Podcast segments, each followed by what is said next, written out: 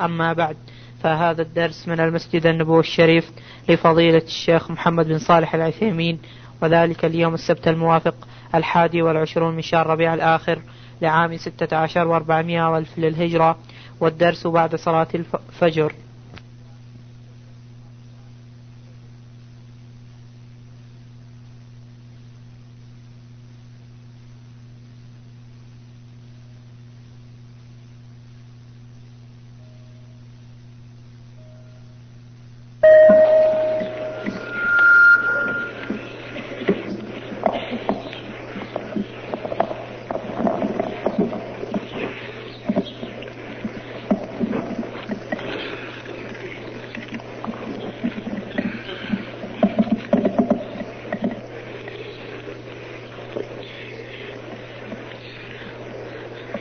لله رب العالمين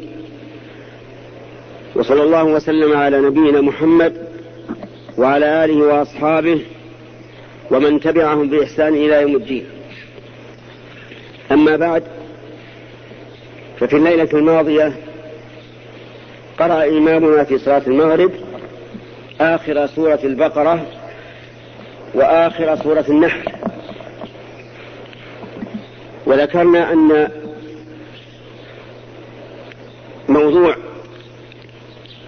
الآيات التي ذكرها التي قرأها مهم جدا. وتكلمنا على آخر سورة البقرة بما تيسر.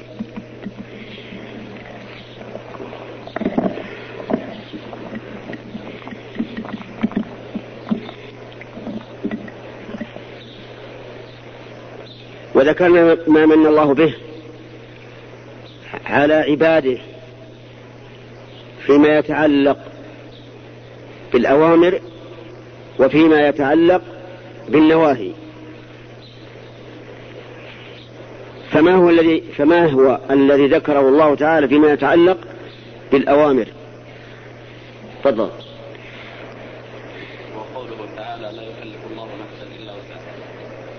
هو قوله تعالى لا يكلف الله نفسا إلا وسعها.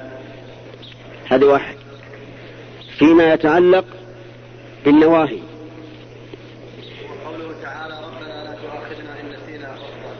وقوله تعالى ربنا لا تؤاخذنا إن نسينا أو أخطأنا.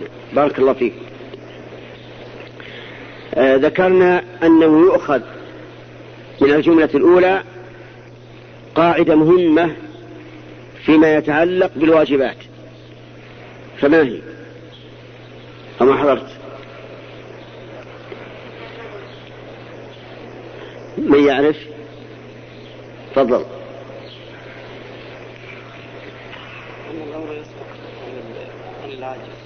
أن الواجبات تسقط عن العاجز. فإن كان لها بدل أتى بالبدل. وإن لم يكن لها بدل سقط بارك الله فيك. طيب. من الواجبات التي تسقط بالعجز ولها بدل. نحتاج إلى مثال نحر طيب.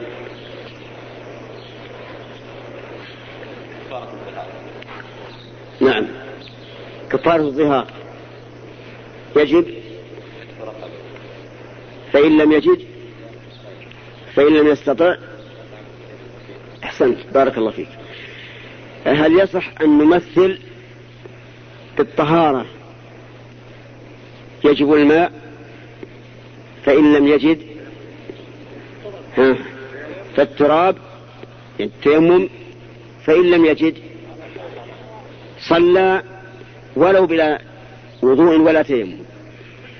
لأن الواجبات تسقط بالعجز. وهذه قاعدة ليست من رأي فلان وفلان ولا من فكر فلان وفلان ولكنها من رب العالمين الذي قال في كتابه وما خلقت الجن والإنس إلا ليعبدون. فهذه عبادته يسقط الله عز وجل عن عباده ما لا يستطيعون. أما في النواهي فالقاعدة فيها ما حضرت من؟ تفضل.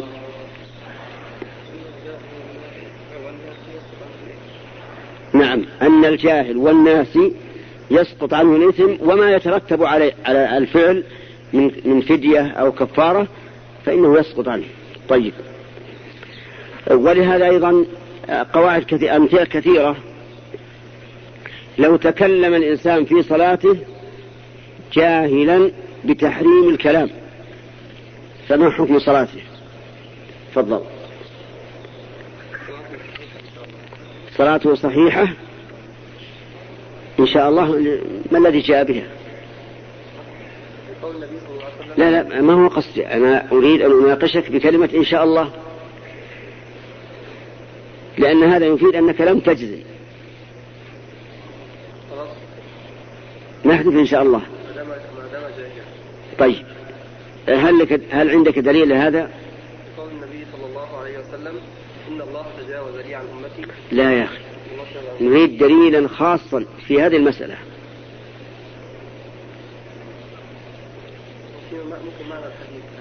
هات المعنى ما بمعنى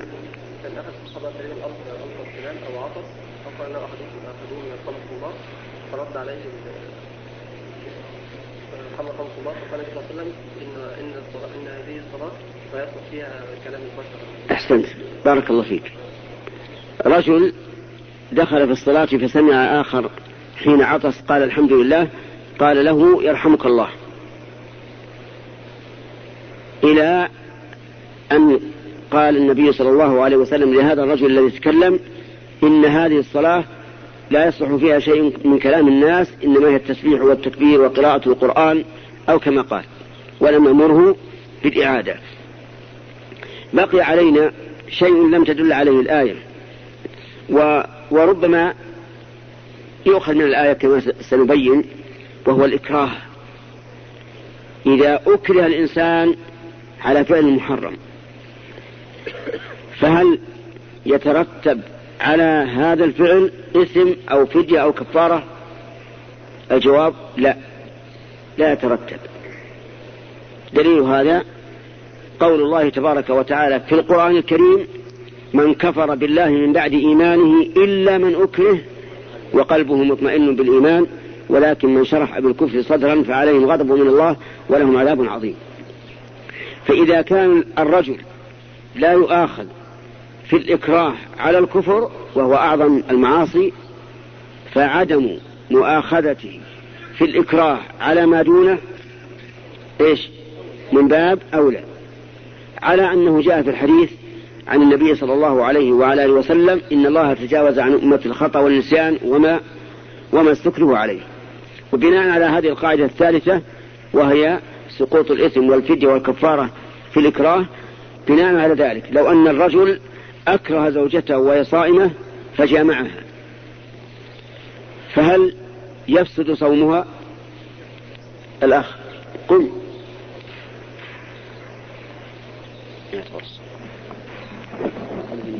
يتوسط نعم. لا يفسد. وهل عليها كفارة؟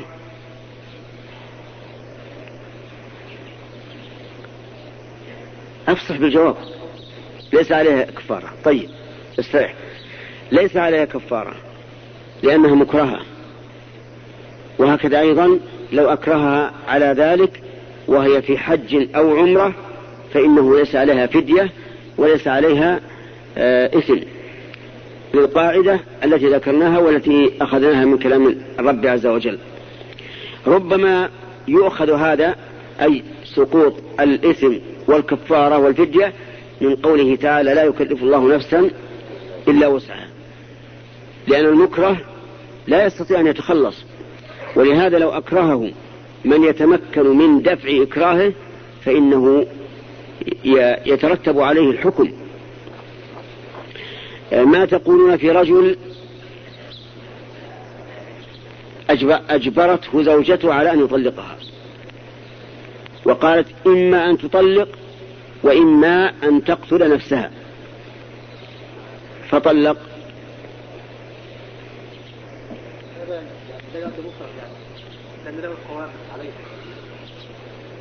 هل يقع الطلاق أو لا؟ لا يقع الطلاق. لأنه لأنه مكره. ليش؟ إذا يقع الطلاق. إذا لم يكن مكرها وقع الطلاق. ما في مانع. أسأل الآن. هل يقع الطلاق أو لا؟ فقلت لا. ثم لما أردنا أن نعلل هذا الحكم الصادر منك بأنها مكرهة قلت ليست مكرهة. أبينه مكره قلت ليس مكرها فما تقول؟ الآن صار الحكم والعلة متناقضان أو متناقضين على الأصح. أنا ما أقول ليس له قومة لكن الرجل الآن لما قال زوجته إن لم تطلقني قتلت نفسها وهي قادرة على أن تنفذ هذا السكين بيدها. فطلق. هل يقع الطلاق أو لا؟ يقع؟ طيب اسرع تفضل. لا يقع. لماذا؟ مكلف؟ إيه لأنه مكره. لأنه مكره. فلا يقع الطلاق. بارك الله فيك. كيف كان مكرها؟ لأنها تريد أن تقتل نفسها وهي قادرة على أن تنفذ. وهذا من أشد ما يكون من الإكراه. لذلك نقول لا يقع الطلاق.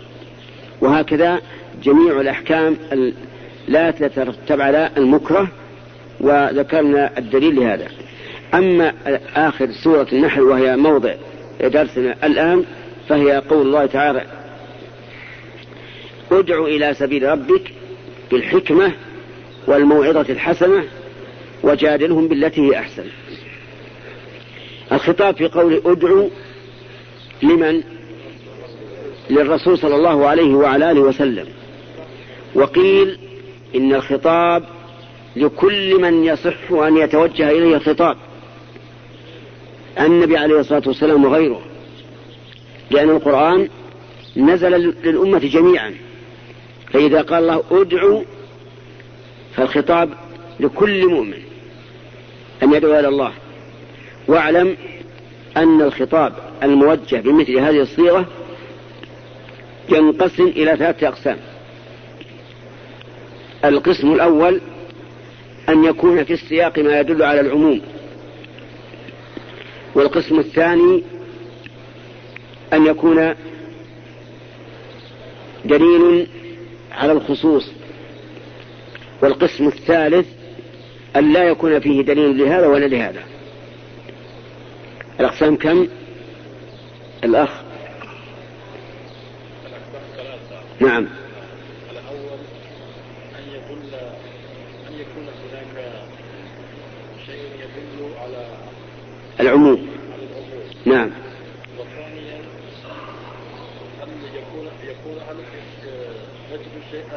على الخصوص نعم. وثالثا يدل على ولا على العموم بارك الله فيك. تمام. مثال الأول قول الله تعالى يا أيها النبي إذا طلقتم النساء. فهنا وجه الخطاب أولا إلى الرسول صلى الله عليه وعلى آله وسلم ثم قيل ثم قال إذا طلقتم.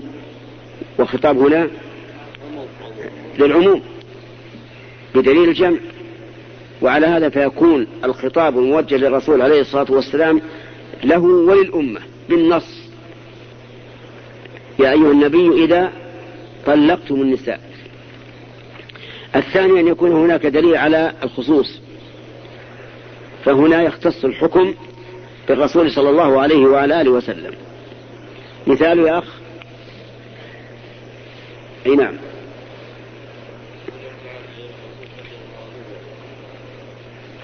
نعم. يا أيها الرسول بلغ ما أنزل إليك من ربك وإن لم تفعل فما بلغت رسالته. ومثل قوله تعالى ألم نشرح لك صدرك ووضعنا عنك وزرك إلى آخر السورة. فهذا يختص بالرسول عليه الصلاة والسلام. القسم الثالث القسم الثالث ما يكون لا دليل فيه لهذا ولا, ولا لهذا. مثل هذه الآية الكريمة ادعو إلى سبيل ربك هل هو موجه الخطاب للرسول عليه الصلاة والسلام وحده أو لكل من يصح خطابه؟ على قولين. واعلم أن الخلاف شبيه باللفظ في هذه المسألة. لأن الذين يقولون إنه خاص بالرسول عليه الصلاة والسلام يقولون إن أمته يشملها الحكم باعتبار الأسوة. لقول الله تعالى لقد كان لكم في رسول الله أسوة حسنة. فإذا قال قائل ما الأصل؟ الخصوصية أم, التع... أم العموم؟ من يعرف؟ الأصل العموم. ولهذا لما أراد الله عز وجل الخصوصية نص عليها. فقال يا أيها النبي إنا أحلنا لك أزواجك التي آتيت أجورهن وما ملكت يمينك مما أفاء الله عليك وبنات عمك وبنات عماتك وبنات خالك وبنات خالاتك اللاتي هاجرن معك وامرأة مؤمنة إن وهبت نفسها للنبي إن أراد النبي أن يستنكحها. آه فما هو الدليل على الخصوص أخ؟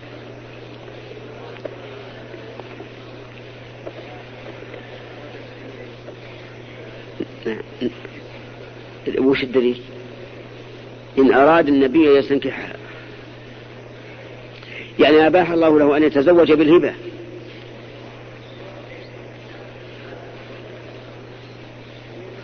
أكمل أكمل الآية عشان أعرف. إن أراد النبي أن يستنكحها خالصة لك من دون المؤمنين. بارك الله فيك. إذا هذا يدل على أن الله تعالى أو على أنه إذا لم يدل دليل على أن الحكم خاص بالرسول وجب التعميم وجب التعميم وخذها قاعدة.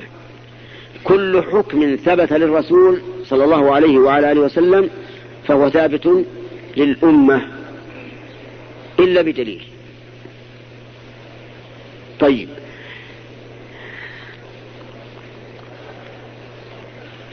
وعلى هذا فنقول إن قوله تعالى ادعو إلى سبيل ربك يشمل الرسول صلى الله عليه وسلم وغيره وقوله إلى سبيل ربك.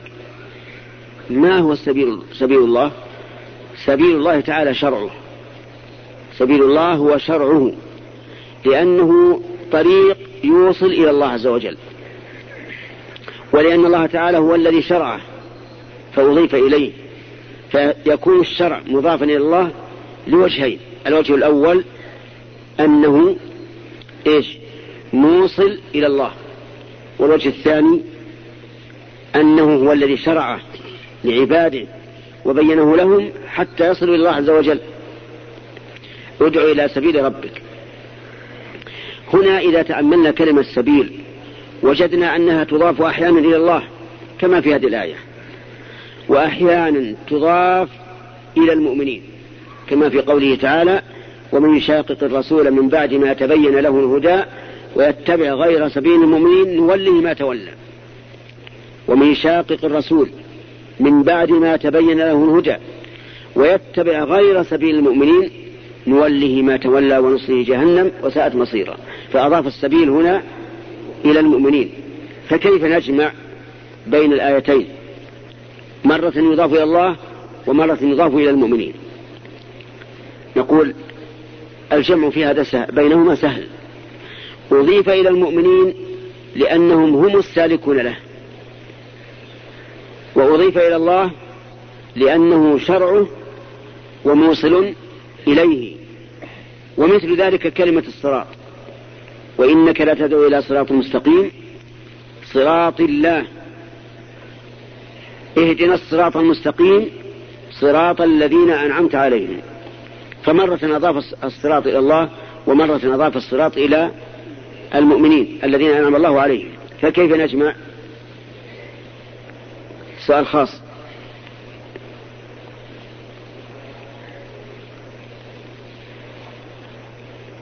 طيب استرح تفضل. أضيف إلى المؤمنين الذين أنعم الله عليهم لأنهم هم الذين سلكوه أضيف إلى الله لأنه شرعه والموصل والموصل إليه. طيب اسمع ادعو إلى سبيل ربك في هذا دليل على وجوب الإخلاص. أن تدعو إلى سبيل الله. هذا إخلاص. وذلك لأن الدعاة لهم لهم إرادات لهم إرادات من الناس من يدعو إلى سبيل الله لكن انتقاما انتقاما من المدعو. أو انتصارا لرأيه. هذا الذي يدعو انتقاما من المدعو أو انتصارا لرأيه هل يكون داعيا إلى الله؟ أو إلى سبيل الله؟ لا. يوجد أناس الآن يدعون إلى, إلى, إلى الله سبحانه وتعالى لكن يريدون أن ينصروا قولهم. ولذلك يصعب عليهم جدا أن يتراجعوا عنه ولو كان خلاف الحق. لأنهم يريدون أن يكون الكلام لهم أو السلطة في الرأي لهم. وهذا لا شك مجانب للإخلاص تماما. هذا يدعو إلى الهوى وليس يدعو إلى الهدى. إنسان آخر يدعو انتقاما من الشخص. هذا أيضا غلط. الواجب أن تدعو إلى الله إلى سبيل الله لإصلاح عباد الله وليس انتقاما منهم ولا انتصارا لرأيك ولكن لإصلاحهم. وإذا كان كذلك أي لإصلاح الخلق فسوف يسلك الإنسان أقرب الطرق إلى حصول المقصود. وقوله جل وعلا ادع إلى سبيل ربك. يتبين أنه لابد من العلم. لابد من العلم. لماذا لابد أن تعلم ما تدعو إليه. أنه من شرع الله. فتعلم أولا ثم ادعو ثانيا. أما أن تدعو إلى سبيل الله وأنت لا تعلم سبيل الله فكيف يمكن هذا؟ ولهذا قال الله تعالى في آية أخرى قل هذه سبيلي أدعو إلى الله على بصيرة على علم. فلا بد من أن يكون الإنسان عالما بما يدعو إليه وأنه حق ومن شريعة الله. أما مجرد أن ينقدح في ذهنه أن هذا حق بدون دليل شرعي فإنه لا يجوز أن يتكلم. لأن الله يقول ولا تقف ما ليس لك به علم.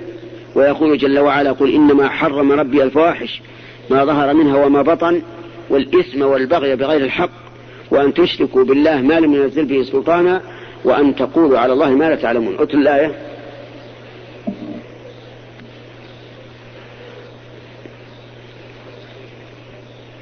قل إنما حرم. أنت حافظ القرآن ولا لا؟ تفضل. قل إنما حرم ربي.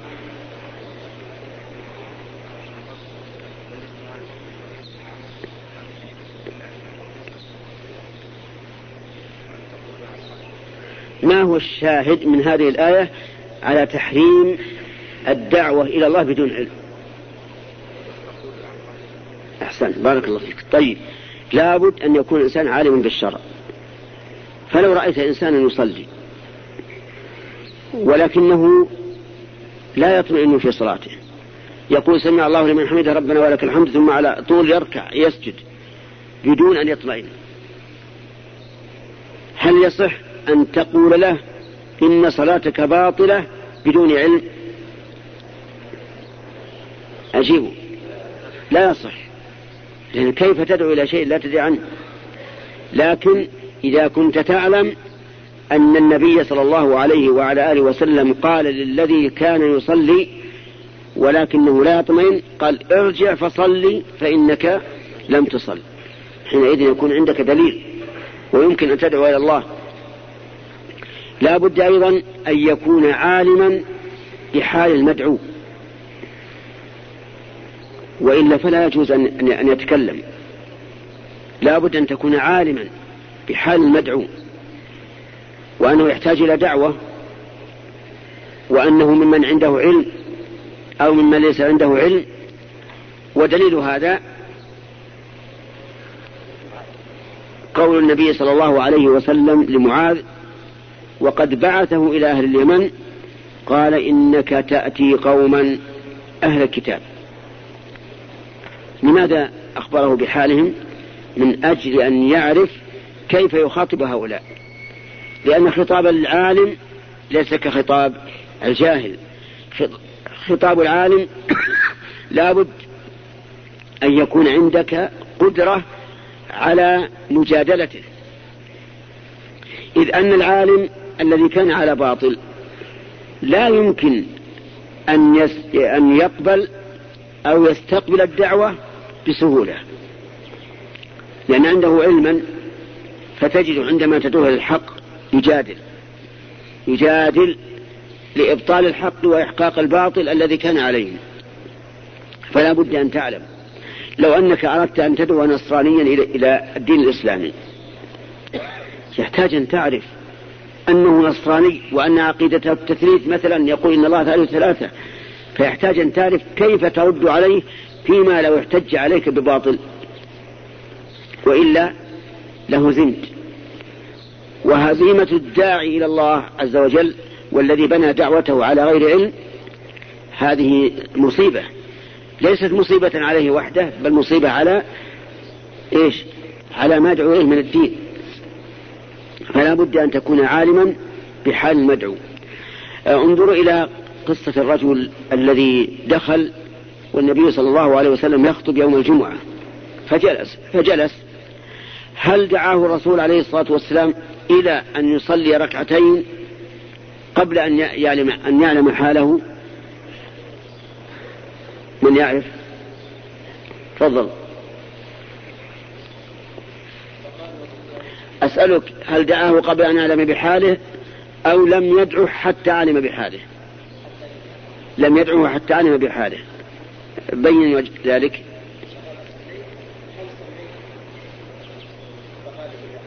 الرجل جلس.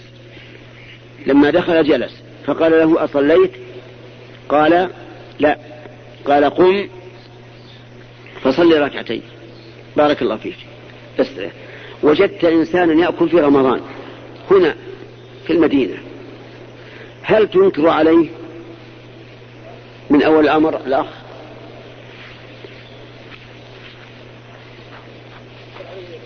نعم. كيف؟ إذا كان وجدت إنسان يأكل في النهار في نهار رمضان في المدينة. تسألك عن إيش؟ أحسنت بارك الله فيك.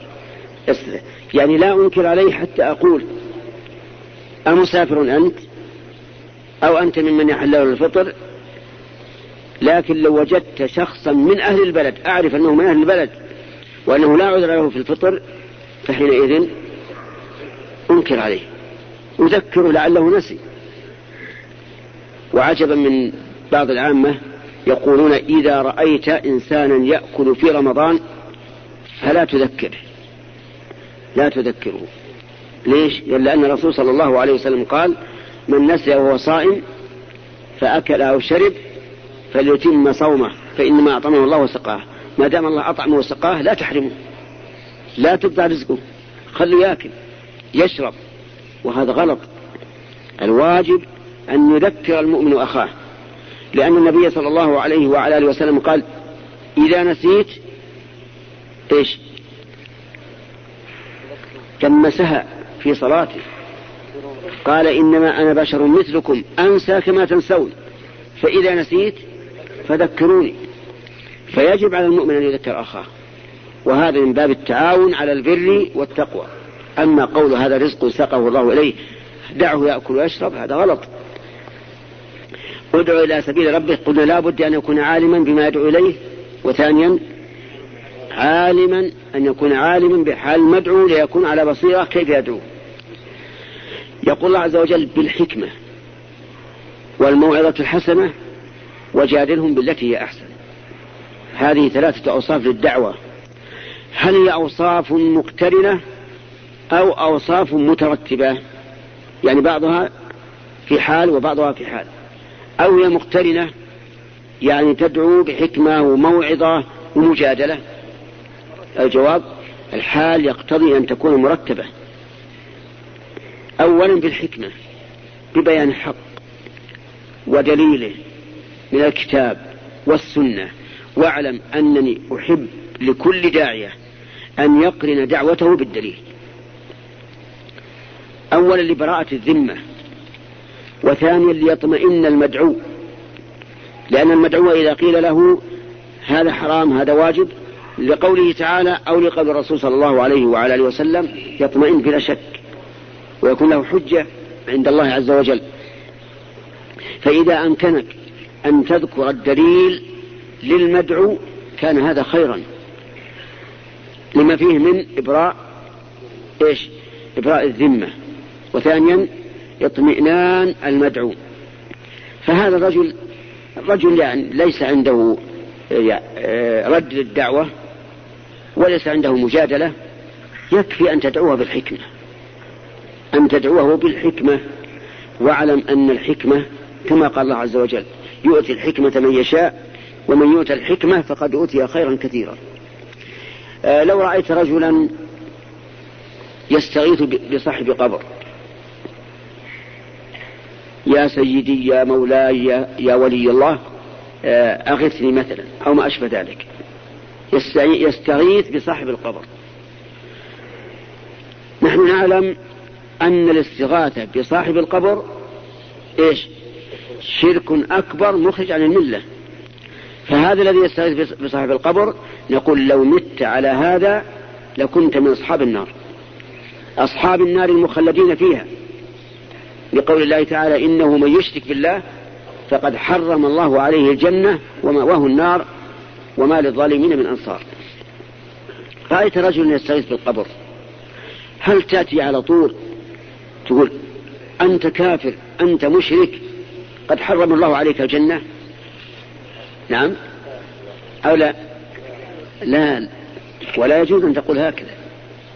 وإن كان واقع الحال هو ما ذكرت لكن لا يجوز. هذا تنفير واذكر له الحق. والحق مطابق تماما للفطرة.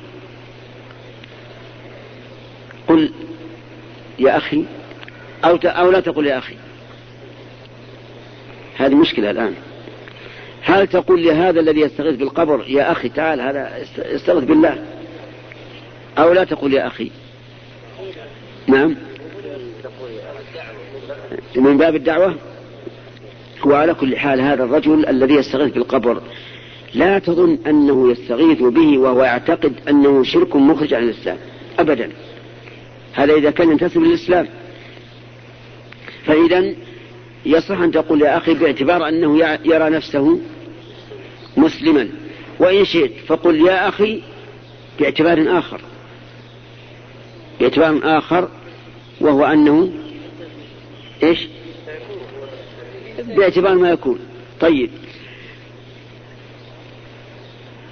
وإن شئت فقل يا رجل. وتسلم من هذا الإشكال. استغث بالله عز وجل. كما قال الله تعالى لنبيه عليه الصلاة والسلام وأصحابه إذ تستغيثون ربكم فاستجاب لكم. الاستجابة مرتبة على الاستغاثة والفاء تدل على الترتيب والتعقيب. استغث بالله حتى يستجيب لك. وربك على كل شيء قدير. وهذا المخلوق الذي أنت الآن تستغيث به هو ميت هامد. ربما تكون الأرض أكلته ولم يبقى من جسده إلا عجب الذنب. ولا ينفعك. طيب.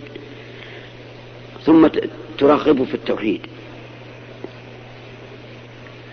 أترون أن هذا يقبل أو لو قيل له أنت مشرك وهذا شرك ومن أشرك بالله حرم الله الجنة أو أو الثاني هو الذي يقبل.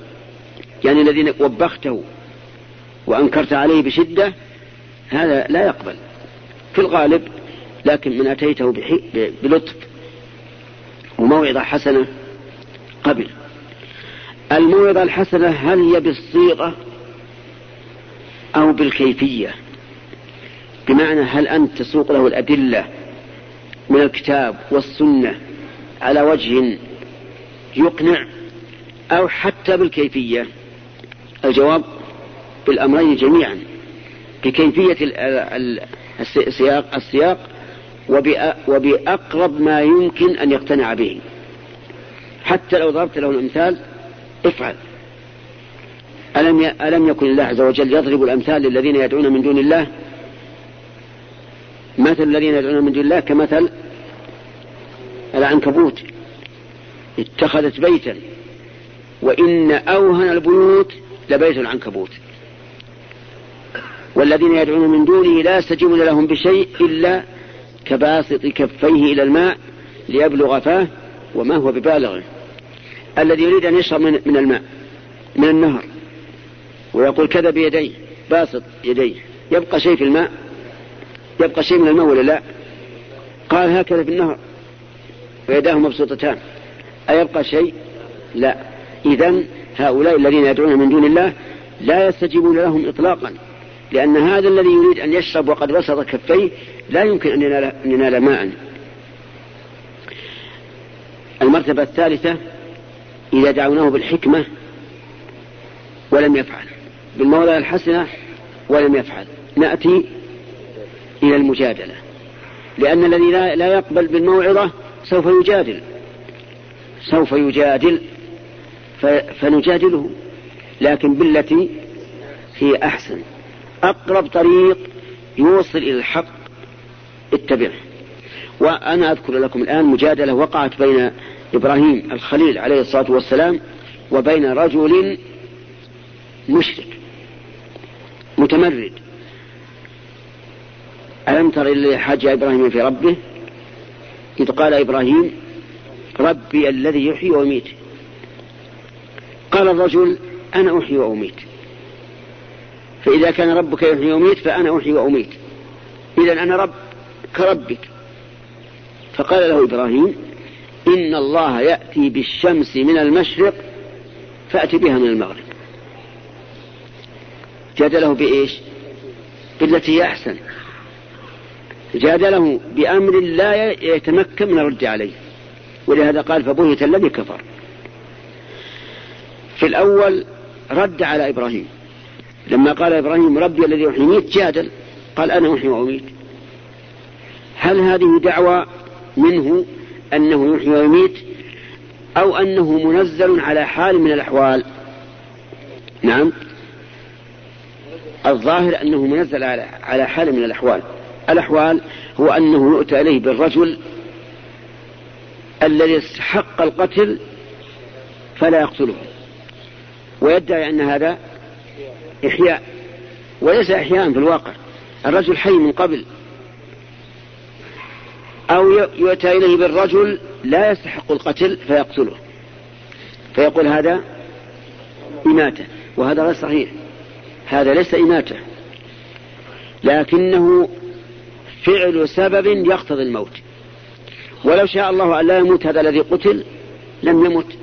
ألم تعلموا أن الدجال يأتيه الرجل الشاب ويقول أشهد أنك الدجال الذي أخبرنا عنك رسول الله فيقطعه قطعتين. يقطعه قطعتين ويمشي بينهما. ثم يدعوه فيقوم يتهلل. من الذي أحياه؟ الله عز وجل. فالمهم هذا الرجل قال بعض العلماء إنه أراد بقوله أنا أحيي وأميت أنه يؤتى إليه بالرجل لا يستحق القتل فيقتله وادعى أن هذا إماتة ويؤتى إليه بالرجل يستحق القتل فيرفع عنه القتل وادعى أن هذا إحياء. وقيل إن هذه دعوة منه وليس يريد أن, أن ينزلها على حال من الأحوال يعني ادعى أنه يحيي ويميت. وعلى كل فإبراهيم عدل عن هذا الذي يكون يمكن أن يكون جدلا عدل عنه إلى أمر لا يمكن أن يتخلص منه وهو إيش؟ إن الله يأتي بالشمس من المشرق فأتي بها من المغرب. هل يمكن أن يدعي أنه يأتي بها من المغرب؟ لا يمكن لأن هذا أمر معلوم بالبداهة. فبهت الذي كفر والله لا يهدي القوم الظالمين. ولهذا ينبغي للمجادل أن يسلك أقرب الطريق لإفحام الخصم. لا يتابعه لأنه ربما إذا تابعته آه صعد بك جبلا لا تستطيع رقية. لكن ائتي بأمر لا يتخلص منه. واعدل عن, عن جوابه الذي أورد الشبهة فيه حتى تقضي عليه نهائيا. المهم إذا حالنا بالنسبة لدعوة الناس تنقسم إلى من يعرف. تفضل. الأول. الأول الدعوة بالحكمة والثاني إذا لم يقتنع نعظه بترغيب وترهيب والثالث إذا جادل نجادل بالتي أحسن.